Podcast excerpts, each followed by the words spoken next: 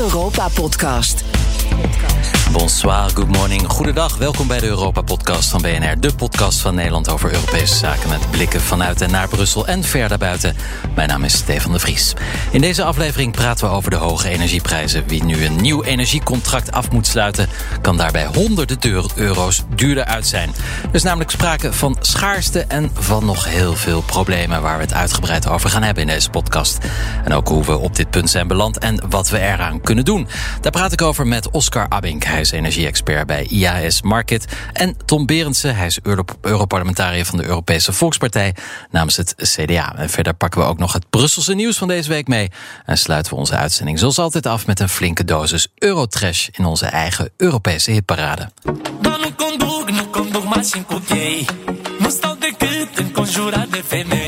Je luistert nu naar de podcastversie, maar wekelijks maken we ook een radio-uitzending op FM, online en DAP, plus de digitale radio. Elke woensdagavond tussen 7 en half 8. Onze podcast is op bnr.nl en in je eigen favoriete podcastplayer. Zoek ons op, Europa Podcast.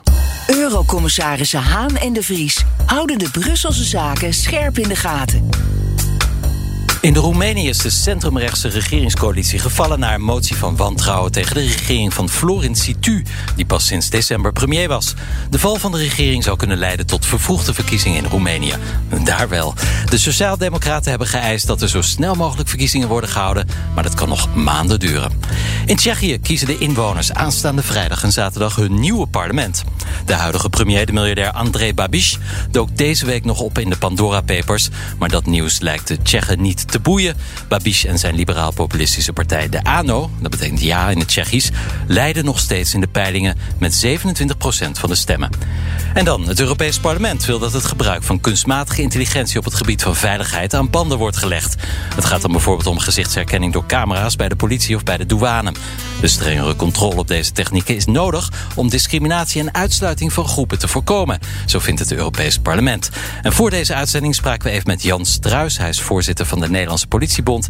En hij kan zich wel vinden in deze strengere controle, maar plaatst toch een kanttekening. Ik vind het goed dat het uh, nogmaals uh, bekeken wordt.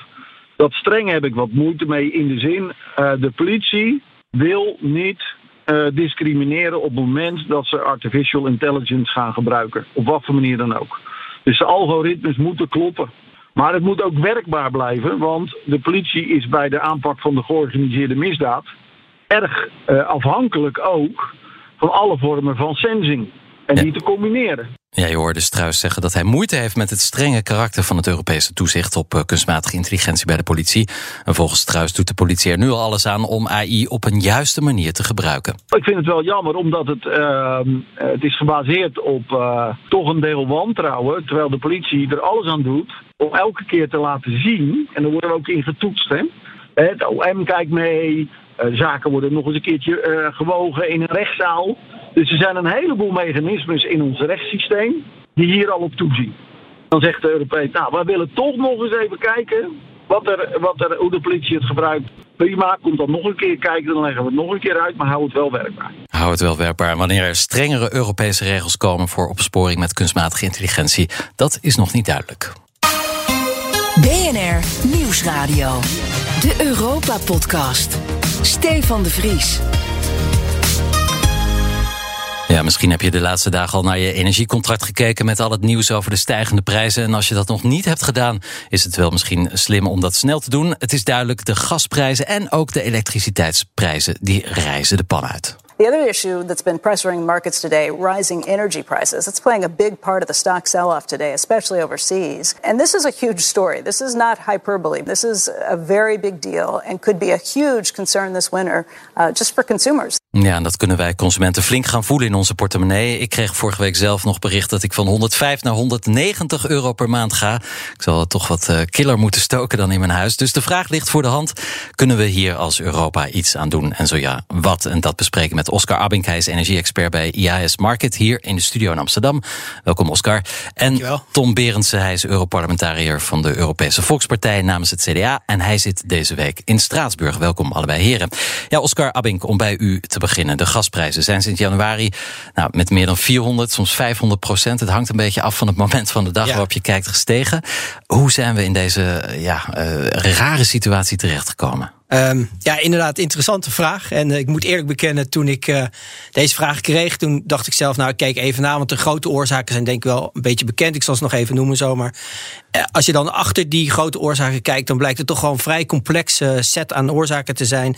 En ook nog um, allemaal met elkaar interacterend. En ook um, ja, vrij, als al werd gezegd in het Engelse stukje, vrij dramatisch op dit moment. Ja. Grote oorzaak, simpelweg, hè, de aantrekkende economie. Dus we hebben vorig jaar de pandemie gehad. Um, als je kijkt naar de gasprijs, je noemde het even. Hij heeft even rond de vijf, dus we praten in, in euro's per megawattuur. Uh, hij heeft even op de vijf gestaan. Uh, in euro. juni, vijf Ja. euro. Um, daarna is hij wat gestegen in het afgelopen jaar. En, en hij was begin, zeg maar dit jaar, was hij dan weer terug richting 20, 30. En nu, hij was even tikte de 150 aan. Vanmiddag was dat, hè? Of vanmorgen Ja, vroeg, geloof ik. Ja, precies. Dus, dus dan, dat is dan praat je niet over een paar honderd, maar echt duizenden procenten stijging. ja, eh, ongelooflijk. in, in meer dan een jaar, ja. Dus, en als je dan kijkt, ja, eh, heel simpel gezegd, um, we hebben natuurlijk de pandemie gehad. Toen is er vraaguitval geweest van energie. Even wat kerngetallen noemen. Dus de groei in Europa was 1,7% 2019. Vorig jaar een, krimp van 6% of 6,6. Een beetje wel, hoeveel, hoe je kijkt naar Europa. Dit jaar een stijging van meer dan 5% Volgend jaar meer dan 4% En die stijging vindt met name nu plaats. In de tweede helft van dit jaar en, en de eerste helft volgend jaar. Ja. Economische activiteit is simpelweg meer energieverbruik. En betekent dus dat automatische vraag enorm toeneemt. Ja, Nou, dus dan- qua economie zitten we er eigenlijk warmpjes bij. Maar Ja, dat, dat- straks precies. moeten we toch een extra jas aan dik. Precies. Dus Ja. nou ja, geluk, hè, meer mensen, meer baan. Dus je zou denken, hopelijk kunnen die ook dan iets meer eh, van een energierekening betalen. Maar de stijgingen die we nu zien zijn zo dramatisch. En dat heeft eigenlijk nog een paar extra oorzaken. Ehm, de eerste, het was een erg koude winter vorig jaar. En met name in de eh, grote landen zoals China, Rusland, die zelf ook veel gas verbruiken, is ontzettend veel gas verbruikt. Daarnaast was de zomer ook nog koud. eh, in, met name op de, eh, in onze gebieden. Ja. En ehm, was er wat weinig wind. Dus dat betekent dat de energievraag nam toe.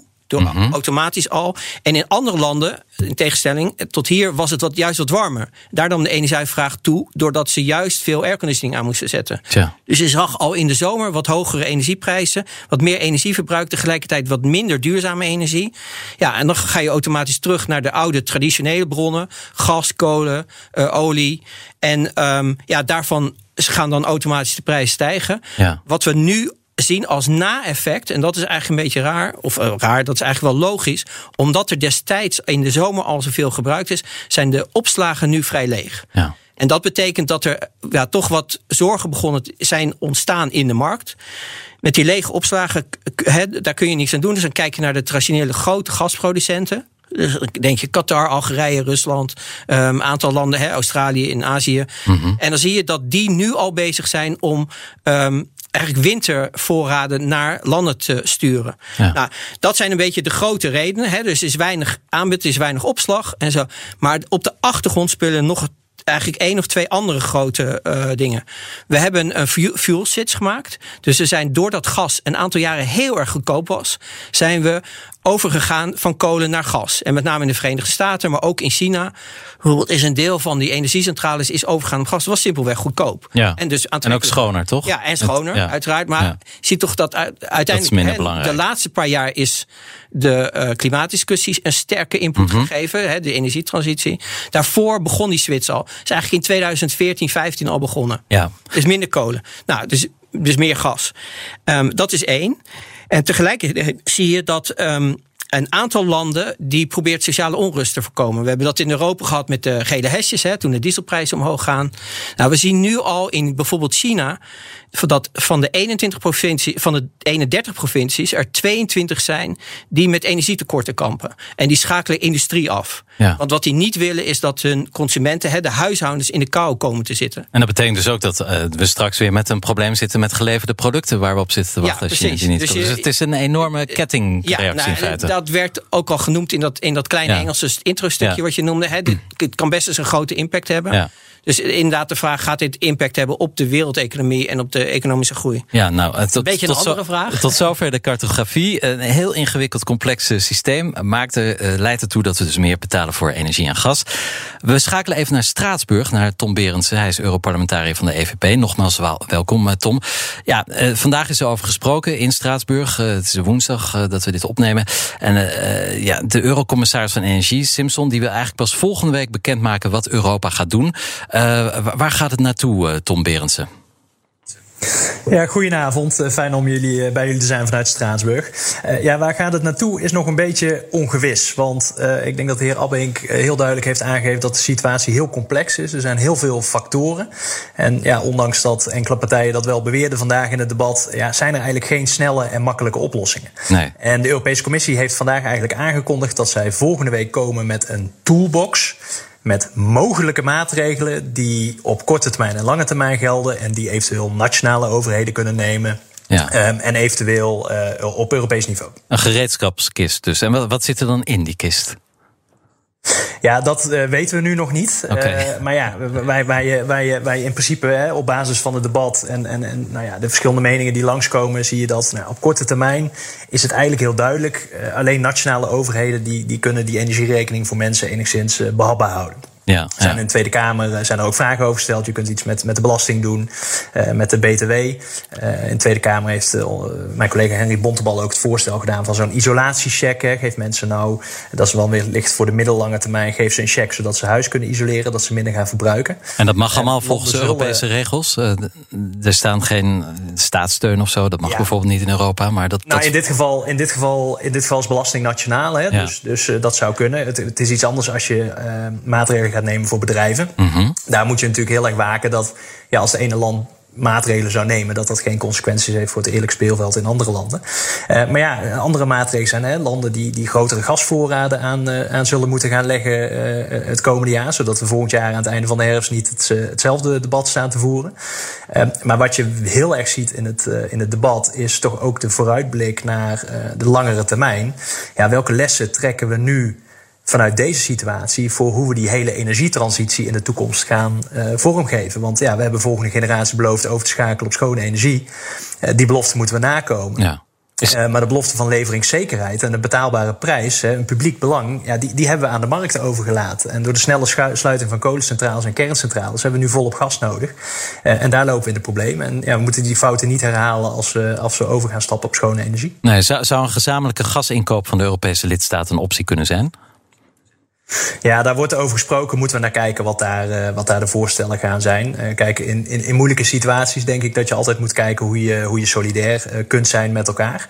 Gezamenlijke inkoop, nou ja, zou een mogelijkheid kunnen zijn. Moeten we kijken. Ik denk dat het vooral ook heel belangrijk is dat we in de toekomst zorgen dat onze energiesystemen van de landen ook qua infrastructuur veel beter op elkaar aangesloten zijn. Ook straks als we van zon, wind en hopelijk een beetje kernenergie gebruik maken. Hè, dat dat ja, overschotten in het ene land wat makkelijker naar naar landen waar tekorten zijn eh, getransporteerd kunnen worden. Ja, even terug naar Oscar Abink. Um, heeft het eigenlijk wel zin uh, als Europa zou ingrijpen op de korte termijn in ieder geval? Nou, het lijkt er niet op dat er een makkelijke politieke oplossing is. Hè? Dat is wat de heer Berends ook al noemt. Dus dat, dat, uh, dat zien we. Er is echt gewoon een, een fysiek tekort op dit moment. En wat ik noemde, hè, dus ook bijvoorbeeld kijken of Europa iets kan doen op de LNG-markt. Dan zie je toch dat een aantal cargo's, dus een aantal ladingen, gaat gewoon naar Azië toe. Die bereiken Europa niet meer. Die worden dan weggekocht onderweg? Ja, nou, of hoe werkt dat? Wat ik noemde, hè, China heeft vorige week bekendgemaakt, ze gaan kolen en gas opkopen tegen elke prijs. Oké. Dus dat betekent gewoon ja, dat, dat uh, wat je vroeger zag, dat China nog wel eens voorzichtig deed en inkocht op momenten dat het goedkoop was en, en eigenlijk daarna niks meer. Dat, dat beleid hebben ze nu even losgelaten om die sociale onrust te voorkomen. En dat betekent gewoon dat er, dat er fysiek uh, een, een, een vraag, um, het, een te grote vraag is op dit moment ten opzichte van het aanbod. Ik wil wel even één kanttekening maken, hè, want nu wordt iedereen bang van nou zitten we dan zo meteen in de kou. Nou, dat gaat niet gebeuren. Dus er is genoeg dus gas. Er is genoeg gas. Wat je wel kunt hebben op extreem koude dagen, mhm. dat uh, een deel van het gas wat geleverd wordt aan de zware industrieën, aan de grootverbruikers, dat dat wordt afgeschakeld. Dat is wat China nu ook al doet met elektriciteit en dat zou ook gebeuren rondom gas.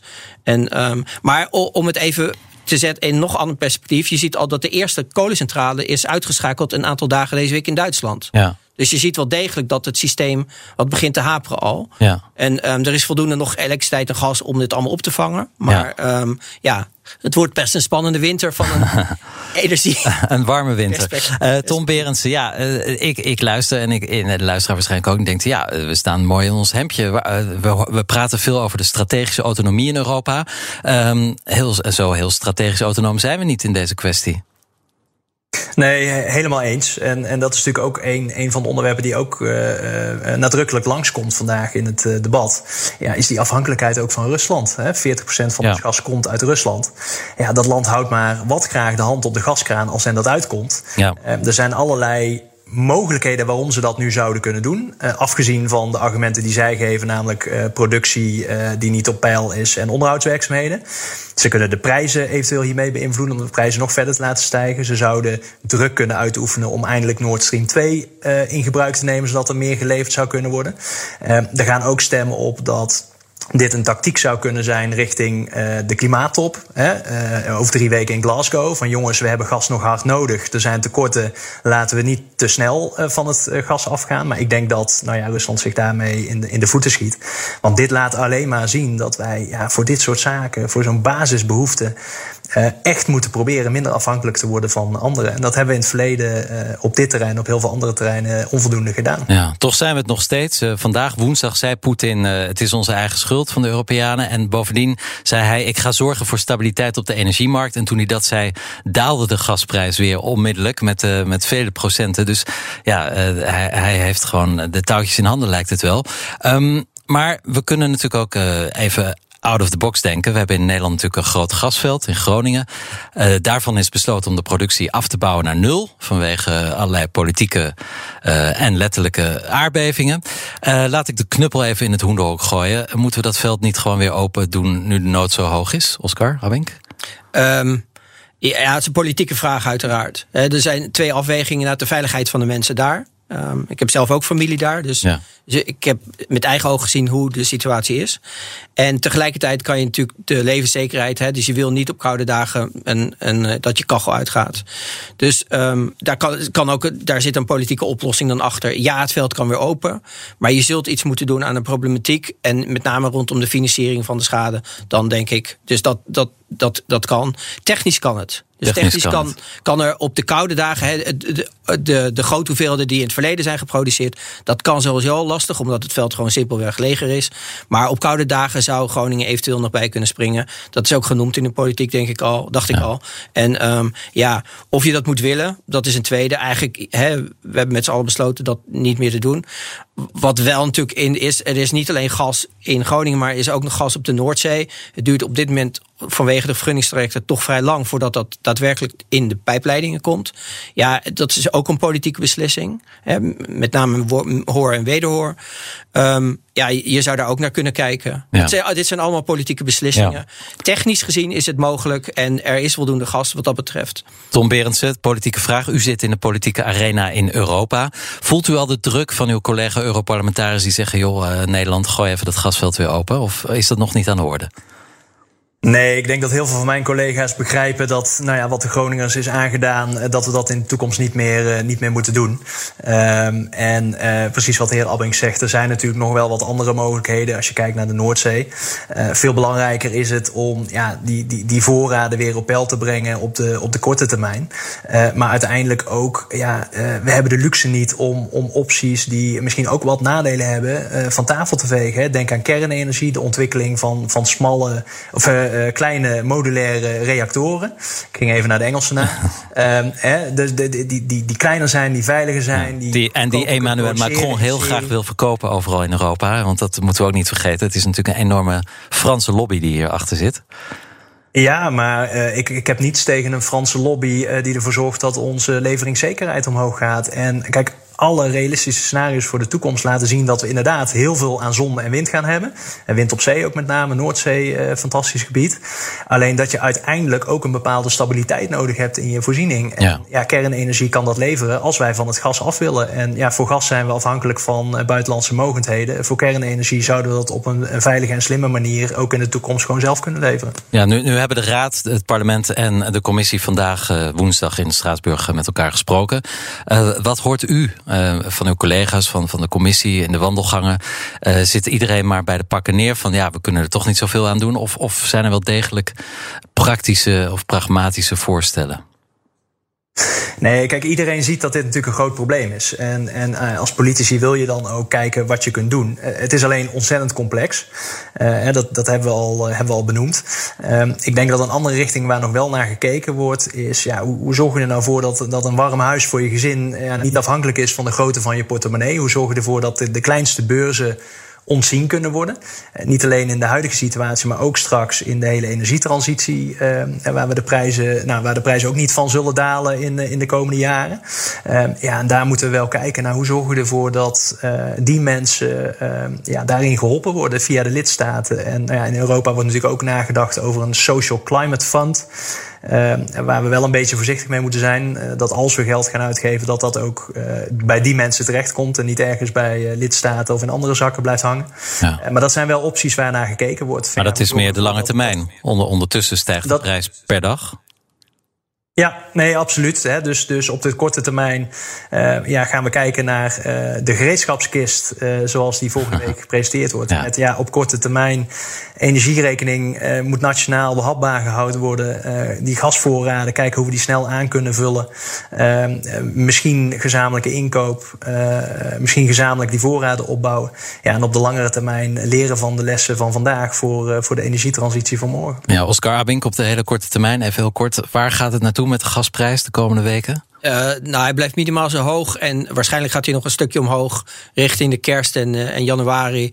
Wij verwachten eigenlijk dat hij in april dat hij dan weer significant ja, zal gaan dalen. Okay. Dus na de winter. Dus we moeten ons echt uh, opmaken voor een, nou voor een dure Als het een warme winter is, dan, ja, dan zijn de problemen gewoon kleiner. En wordt het een strenge winter, ja, dan wordt het een grote uitdaging. Je luistert nog steeds naar de Europa-podcast van BNR. Te gast zijn Tom Berendsen, Europarlementariër voor het CDA... en Oscar Abink, energie-expert bij IHS Market. Ja, Oscar Abink, eh, laten we eens kijken. We hadden het net over de korte termijn. We gaan nu naar de langere termijn. De vraag naar gas zal het komende decennia nog, uh, decennium nog hoog blijven... ondanks dat we uh, een energietransitie doorgaan. Hoe zit dat?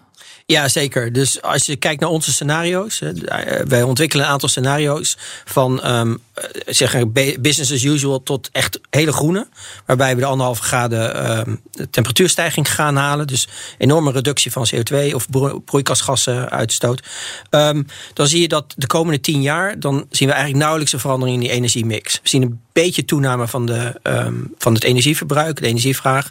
Als je kijkt over de echte lange termijn, dan praat je tot 2050, dan zien we een stijging van 10, 15 procent. Afhankelijk van welk scenario je toeneemt. En, een afhank en afhankelijk van welk scenario je kijkt, ook een enorme afname.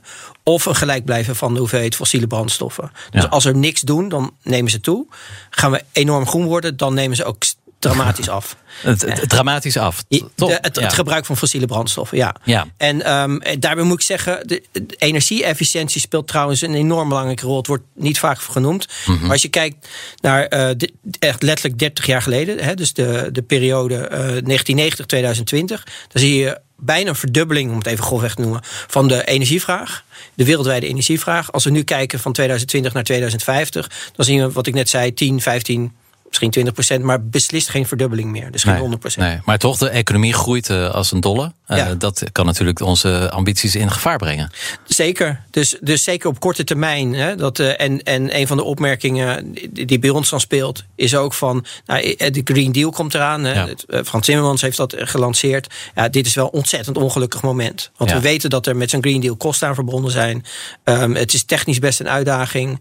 Dus, en tegelijkertijd zien we nu leveringsproblemen of eigenlijk leveringszekerheid afnemen. We zien um, prijzen toenemen. En ja, logisch en niet terecht trouwens, dat daar meteen een koppeling ook naar de energietransitie wordt gemaakt. Nee, die, die koppeling is niet terecht, zegt u wel? Nou, voor een deel. Maar ja. voor een deel, kijk, de, de belangrijkste effecten, en dat wilde ik wil ik ook wel even nuanceren. We hebben een aantal jaar geleden um, twee dingen gedaan. We hebben de uh, markt geliberaliseerd. Mm -hmm. En um, eigenlijk, um, en we zijn, uh, wat ik eerder al noemde, we zijn overgegaan naar veel gas. Nou, en daar hebben we ook veel profijt van geplukt. Veel gas is minder uitstoot, dus uh, dat heeft al een wat groener effect. Uh, tegelijkertijd, die liberalisatie van die markt heeft met name tussen 2014, eind 2014 en afgelopen jaar gezorgd voor vrij lage gas- en olieprijzen. Dus dat heeft ook de economie geholpen. Ja, en op een gegeven moment dan krijg je natuurlijk dat er een aantal dingen bij elkaar komen. De economische groei, wat lage voorraden, et cetera. Ja, en dan krijg je het negatieve effect van zo'n marktmechanisme. En daar hebben we nu mee te maken. Ja, Tom Berends in Straatsburg. Uh, Eurosceptici zullen zeggen: ja, kijk, uh, dit gebeurt er met die agenda van Timmermans. het is nu al niet meer te betalen. daar moeten we mee stoppen. Hoe, hoe reageert u daarop? Nou, kijk, ik denk dat het belangrijkste daarbij is dat ja, als wij die energietransitie op een verstandige manier uh, vorm gaan geven, we willen naar schone energie, we willen die belofte uh, nakomen aan de, aan de, volgende generaties. Maar dat betekent ook dat je op een verstandige manier het oude systeem moet afbouwen. En daar is denk ik te weinig aandacht voor. Dat merk ik ook in de politieke discussies, uh, waarbij een aantal partijen het liefst volgende week volledig op hernieuwbare energie willen draaien. ja, dat gaat niet. We moeten dat op een verstandige manier doen. en wat de heer Abink ook zegt, kijk, we hebben die markt natuurlijk geliberaliseerd. Um, dat heeft voordelen gebracht. Maar uh, kijk, uiteindelijk gaat het ook om de leveringszekerheid en, en die betaalbare prijs. En dat is een publiek belang. Ja. Met uh, leveringszekerheid dat, bedoelt u dat we, dat we niet meer afhankelijk zijn van, van derden? Uh, dus autonome, strategische autonomie. Is dat wat u met leveringszekerheid be bedoelt? Eh, dat ook, dat ook absoluut. Hè. Dat, daar, daar zullen we zelf aan, aan moeten werken. Maar het betekent, kijk, leveringszekerheid betekent ook dat er gewoon voldoende is. En ja. je, wat je nu ook ziet, eh, is de psychologie van de mogelijke angst uh, dat we te weinig gaan hebben en te lage voorraden hebben. Ja, dat doet natuurlijk ook wat met de prijs. Ja. Hè, dus ja, dat zijn dingen die helemaal meespelen. Kijk, het belangrijkste, denk ik, is dat we wel de link moeten leggen met de huidige situatie en de energietransitie. Toch wel, want er zijn ook mensen die zeggen dat er de... geen link is. Ja, maar de link die we moeten leggen is dat we moeten leren van de situatie nu uh, voor de energietransitie. Hè. We moeten ja. veel meer kijken naar energie-efficiëntie. De schoonste en goedkoopste energie is de energie die we niet gebruiken. Isoleren van huizen, apparaten zuiniger maken. Ja, we moeten echt geen opties van tafel vegen, geen technologie van tafel vegen. Laat vandaag gewoon weer zien dat we die luxe niet hebben. Ja, zon, ja, wind, maar ook kernenergie. Ja. Uh, ja, en we moeten, en daar ben ik in het Europees Parlement uh, de onderhandelaar op geweest. We moeten die energiesystemen van landen veel beter op elkaar aansluiten. Ja. Met elektriciteitsnetwerken, met pijpleidingen. Ja, zodat we ook uh, nou ja, van de overschotten in het ene land kunnen profiteren naar het, in het andere. Ja. Hoe, hoe zit dat nu eigenlijk met, de, met de verbindingen? Ik geloof dat Nederland verbonden is met Noorwegen, Spanje en, en Duitsland en Frankrijk. Maar verder zitten we nog een beetje los van elkaar. Hè? Of, of zit het anders in elkaar? Qua, qua pijpleidingen en, en, en snoertjes en draadjes en knopjes? Nou, kijk, Nederland is natuurlijk een land waar dat op zich redelijk goed ontwikkeld is. Hè. We zijn natuurlijk ook een beetje de toegangspoort tot Europa. Nou ja, dat kunnen we niet zijn als we geen goede verbindingen met de rest van Europa hebben. Maar je ziet op andere plekken in Europa dat dat een, een heel stuk minder is. Ja, daar moeten we echt met z'n allen aan werken. Dit is typisch iets wat we ja, als land alleen niet kunnen aanpakken. Uh, dat moeten we in Europese samenwerking doen. Ja, dan heb je op zijn minst goede verbindingen nodig om uh, energie en elektriciteit door, door Europa te ja. kunnen transporteren. En moet dat sneller gaan dan wat we nu hebben bedacht? Wat u betreft? Nou, het moet, het moet sneller, maar het moet natuurlijk ook klaargemaakt worden voor de toekomst. Hè. Het gaat nu niet meer om olie- en gasprojecten, eh, maar het gaat nu om hoe zorgen we ervoor dat we waterstof in kunnen gaan zetten, eh, volop wind op zee eh, kunnen inzetten. Ook eh, afvang en opslag van CO2, waar een aantal industriële clusters die eigenlijk geen andere optie hebben, eh, ja, die, die willen we ook minder CO2 laten uitstoten. Dus dan moeten we die CO2 gaan afvangen en opslaan. En ja, daar heb je ook alle uh, verbindingen voor nodig. En ja, daar moeten we gewoon absoluut werk van maken. Daar staan we, kunnen we echt samen als, als Europese Unie sterk staan. Ja, Oscar Abink, uh, moeten we versnellen? Is dat realistisch of zitten we al aan onze max? Um, ja, uitstekende vraag. De, de, um, opschalen is altijd een, een uitdaging. En er zitten altijd twee aspecten aan. Kan het technisch? Hè? Heb je voldoende -hmm. pijpleidingen? Kan je die leggen? Heb je voldoende energie? Hè? Dat is het beroemde verhaal van alle ketels uit alle mensen halen, uit alle huizen halen. Er zijn gewoon niet genoeg monteurs voor. Dus dat soort simpele ja. dingen loop je tegenaan. Nou, je ziet dat dat nu al lastig is. Um, en ten tweede, het kost geld. Dus ja. we gaan van één energiesysteem naar een andere. Ja, een nieuwe auto kopen kost geld. Uh, he, ook al ruil je oude in voor, voor, een, een, een, he, voor een bepaald bedrag, je moet altijd bijbetalen. Dus dat zo ook. En, En de politieke vraag, en die kan ik niet beantwoorden, is hoeveel geld heb je ervoor over? En ook, um, ja, waar wil je dan op versnellen? Hoe ga je dat dan, dan echt inregelen? Hè? Dus ga je mensen opleiden? En, dus dat is best een, ga je al dat staal wat gekocht moet worden. Ja. Dat, um, en, en eh, om maar een voorbeeldje te geven, CO2-opslag is een, is een fantastische oplossing. Hè. Dat, kan je eigenlijk bestaande infrastructuur blijven gebruiken. Je kan het opslaan. Als je kijkt naar onze voorspelling, we zien dat er tot nu 2025 is er 100 miljoen ton wordt er per jaar aan CO2 opgeslagen in de ondergrond. Dat klinkt veel. Maar de wereld produceert per jaar 35 ongeveer 35.000 miljoen ton. Oké, okay, 35 dus, miljard. Ja, ja dus, dus 100 versus 35.000 is ja. gewoon een enorm verschil. Dus ja. wil je dat gaan realiseren, dan zul je ook ja, miljarden moeten investeren in CO2-opslag wereldwijd. En ja. ook in Europa. Nou, de, de vraag is dan, wat doe je dan niet? En dat, dat is in het algemeen een lastig politiek probleem waar in ieder geval ik geen antwoord op heb. Nee, nee maar dus, we hebben een politicus, ja, Tom Berendsen. Um, is dat een verhaal? Het valt mij ook op inderdaad dat, dat we heel veel praten over we moeten vergroenen en we moeten dit en we moeten dat. Maar eigenlijk zijn er helemaal geen politici die zeggen: ja, het gaat gewoon pijn doen, dit gaat het kosten, uh, we hebben geen andere optie. Is, is, is dat eerlijke verhaal misschien een manier om de Europeanen er toch bij te betrekken? Meer te bij, te betrekken? Nou, ik, ik denk dat dat essentieel is. Hè. Ik denk dat je als politie altijd eerlijk moet zijn over uh, waar we naartoe gaan en, en wat dat voor ons betekent. En het allerbelangrijkste in de discussie vind ik dat uh, ja, als je heel eerlijk kijkt naar de toekomst, dan betekent het gewoon dat we een heleboel technologieën die, die we hebben, ja, dat we die gewoon zullen in moeten zetten. En ja, er zijn allerlei partijen die uh, de ambities aan de ene kant zo snel mogelijk willen opschroeven. Hè, zo snel mogelijk uh, schone energie, uh, zo min mogelijk CO2-uitstoot. Ja. Maar aan de andere kant, één voor één, alle technologieën die we hebben om daar te komen. Uh, kernenergie, biomassa, CO2-afvangende opslag. Ja, die vegen ze allemaal van tafel. Ja, en, en dat is gewoon niet haalbaar. En ik vind dat ook het eerlijke verhaal wat we moeten vertellen. Dus we hebben een hele waaier aan allerlei technologie nodig. Um, en ja, dat moeten we ook op een verstandige manier aanpakken. Energieefficiëntie is, is echt een hele belangrijke. Die heeft de heer Abing genoemd. Ja, en tussen neus en lip door noemt de heer Abing natuurlijk ook nog een echt een hele andere belangrijke uitdaging is ja, als we in die huizen en in die bedrijven dat systeem willen gaan veranderen, ja, hebben we de handjes uh, om dat ook allemaal te gaan doen. En ja, daar zie ik ook nog wel een, een mooie kans voor Europese samenwerking. Want uh, ja, wellicht dat we uh, op andere plekken in Europa ook nog wel mensen hebben die ons daar, daarbij kunnen helpen. Maar we moeten mensen wel gaan opleiden, ook in Nederland. En dat ja. is een enorme uitdaging. Dus meer arbeidsmigratie, daar pleit u eigenlijk ook voor. Het gaat hand in hand met de groene nou, transitie. Nou, nou, laten we in ieder geval uh, in, in dit geval alle handjes gebruiken die we, die, die we kunnen gebruiken. Ja. En uh, als we in Nederland niet genoeg handjes hebben, dan uh, denk ik dat de uitdaging groot genoeg is om te kijken om ons heen of dat we mensen ja. hebben die ons kunnen helpen. Nou, ik, ik hoor u pleiten voor, voor meer arbeidsmigratie. Ik hoor u ook vaak pleiten over het woord, of u gebruikt veel het woord kernenergie. Um, is dat een reële optie? Want kijk, stel we besluiten, we gaan morgen een nieuwe kerncentrale bouwen. Dan zijn we misschien, nou, over twintig jaar is die misschien operationeel. 15 jaar als het heel goed gaat. Um, dan is de prijs van hernieuwbare energie waarschijnlijk nog meer gedaald. En kernenergie ongelooflijk duur. Is dat echt een serieuze optie? Als, en dan heb ik het niet eens over de milieuvraag, maar puur economisch.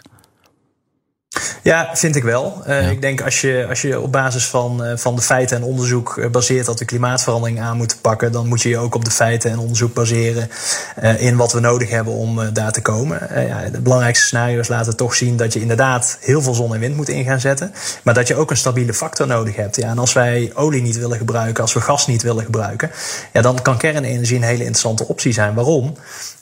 vanwege ook nieuwe technologieën die we daar aan het uitvinden zijn. Hè. Vroeger was een kerncentrale was een uniek project. Uh, ontzettend duur om te bouwen met allerlei technologie. Ja, als je het op kleinere schaal doet en je produceert die in, in serie, zoals dat heet. Je laat ze bij wijze van spreken van de fabrieks, onderdelen van de fabrieksband uh, rollen, om het even te chargeren. Mm -hmm. uh, ja, dan gaan die productiekosten naar beneden. Dan gaat de bouwtijd naar beneden. Uh, kunnen we de veiligheid wellicht wat beter waarborgen. En ja, dan, dan kan dat echt een rol spelen, een belangrijke rol spelen in, in die stabiliteit die we nodig hebben op de momenten dat ja, uh, zonne-energie, uh, windenergie tegenvalt en we ja. onvoldoende opgeslagen hebben. Ook, ook als pas over 15 jaar de eerste mini-centrale klaar kan zijn. Is het dan ja, zelfs dan nog een serieuze optie? We hebben over, over 15 jaar energie nodig. We hebben over 30 jaar energie nodig. We hebben over 100 jaar energie nodig. Dus uh, ik, ik vind dat we uh, wat verder in de, in de toekomst moeten kijken. Ja, dan moet je gewoon verstandige besluiten nemen. En ik denk dat dit er een van is. Is dat ook het officiële standpunt van de Europese Volkspartij? De, de, de groep waarin u zit namens het CDA? De meer, kernenergie is een optie? Ja, in, in meerderheid wel. Ik moet altijd eh, wel zeggen dat, kijk, dit heeft natuurlijk ook een beetje te maken met wat, wat kan een land. Hè? Wij hebben natuurlijk als Nederland hebben kansen op wind op zee. Uh, maar bijvoorbeeld uh, in, in Oostenrijk hebben ze enorme hoogteverschillen. Daar halen ze heel veel uit waterkracht. Uh, ja, de Oostenrijkers zitten eigenlijk niet te wachten op kernenergie of concurrentie van energie van kerncentrales. Ja, nee. en de Duitsers eigenlijk ook niet, hè? Want die, die, hebben nu alle kerncentrales juist afgesloten. Eh, en dan daar ja, nou ja, kolencentrales voor aan het werk gezet. Maar... Ja, en kijk, als ze dat niet gedaan hadden, denk ik dat ons probleem wellicht wat minder groot was op dit moment. Ja. Uh, en ja, ik, ik, ik hoop echt dat zij uh, misschien ook uh, wat meer gaan kijken naar ja, hoe, wat zijn nou echt realistische scenario's om in de toekomst die energiezekerheid, die leveringszekerheid en een betaalbare prijs te garanderen. Ja, daar maakt kernenergie gewoon onderdeel van. En als ze het zelf niet willen, zorg dan in ieder geval dat we Europees kijken naar de plekken waar, we dat, waar wel draagvlak is en waar we dat wel willen gebruiken. Ja, laatste vraag Tom Berendsen. Volgende week dus die toolbox. Daar komt Eurocommissaris Simpson mee. Dan een week daarna weer, dus over twee weken vandaag, Europese top in Brussel met de leiders waar ook dit probleem op de agenda staat. Uh, wanneer bent u tevreden, Tom? Uh, ik ben uh, tevreden als uh, nationale overheden beseffen dat ze voor een korte termijn oplossing niet naar Europa moeten kijken, maar zelf aan de bak moeten. En ik ben tevreden als we de juiste lessen vervolgens trekken voor hoe we de energietransitie verstandig vormgeven. En dus ook op een verstandige manier het oude systeem afbouwen. Ja, dan tot slot nog even terug naar Oscar Abink. Um, de pomp, de prijs aan de pomp. Altijd een goede, goed onderwerp voor, voor verkiezingscampagnes. Um, ja, daar let iedereen op althans mensen die auto's, auto's rijden, de meeste van de BNR-luisteraars. Um, ik zag vandaag 2 euro en 3 cent ergens. Hoeveel kan dat nog stijgen? Nou, de verwachting is dat, dat olie uh, niet extreem veel zal stijgen. En dat heeft eigenlijk een iets andere reden. Um, er is voldoende olie, is ook voldoende olie beschikbaar. Wat alleen OPEC en een aantal, en OPEC Plus, zoals dat dan heet, met Rusland bij hebben gedaan. Die hebben quota gesteld. Die hebben gezegd, nou, we produceren niet meer. Juist in die pandemie om te zorgen dat die prijs voldoende hoog blijft. Nou, nu zijn we een jaar later, ruim een jaar later, na de grote klap. Die was, was eigenlijk eind februari, begin maart. Um, en en um, dus nu zul je zien dat ook die OPEC, die is met de meeste landen en de meeste bedrijven vinden een olieprijs van 60, tussen de 60 en 80 dollar prachtig. Want dat is, beïnvloedt niet te sterk de economie. Dat drukt niet te sterk de economische groei. En aan de andere kant um, zorgt dat voor voldoende zeg maar, winstgevendheid voor zowel bedrijven als grote olieproducerende landen. En ja. in het Midden-Oosten. En, en, nu staat hij op hoeveel? Op ongeveer? Nu staat hij, hij, hij was net iets, hij was uh, afhankelijk welke je pakt, maar de Brent was iets boven de 80 dollar, 83 dollar. Uh, de Amerikaanse olie net er wat onder. Ja altijd een klein verschil tussen. En um, dus wij, we denken niet dat die doorschiet naar bijvoorbeeld 100 of 110 of, of nog hoger, zoals het een aantal jaar geleden is geweest. Precies, ja. Dus um, ik, ik, verwacht dat daar, dat, uh, dat daar um, ook omdat ja, landen als Iran natuurlijk, Libië, die komen langzaam weer wat. Uh, er komt wat olie op die markt, zeker met die, met die tekorten. Dus, dus ja, dus je verwacht dat dat niet een drama, daar zal niet hetzelfde dramatische effect.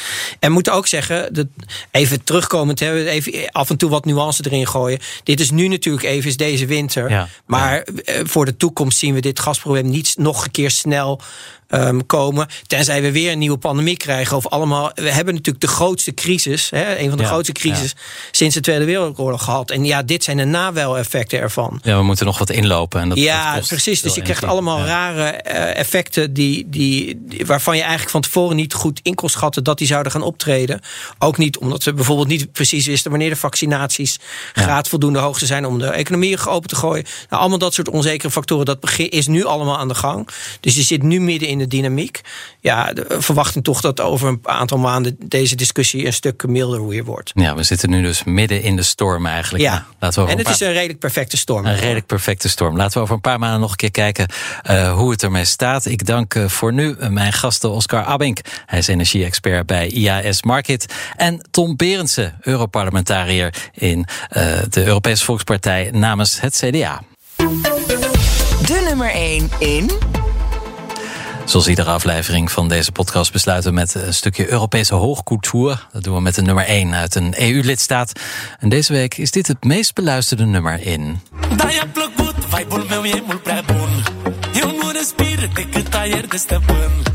In Roemenië. Dat is Tsanka Uragunu met het nummer Bani.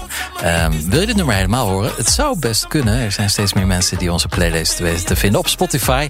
Alle muziek uit BNR Europa staat erin. Even zoeken op BNR Europa nummer 1.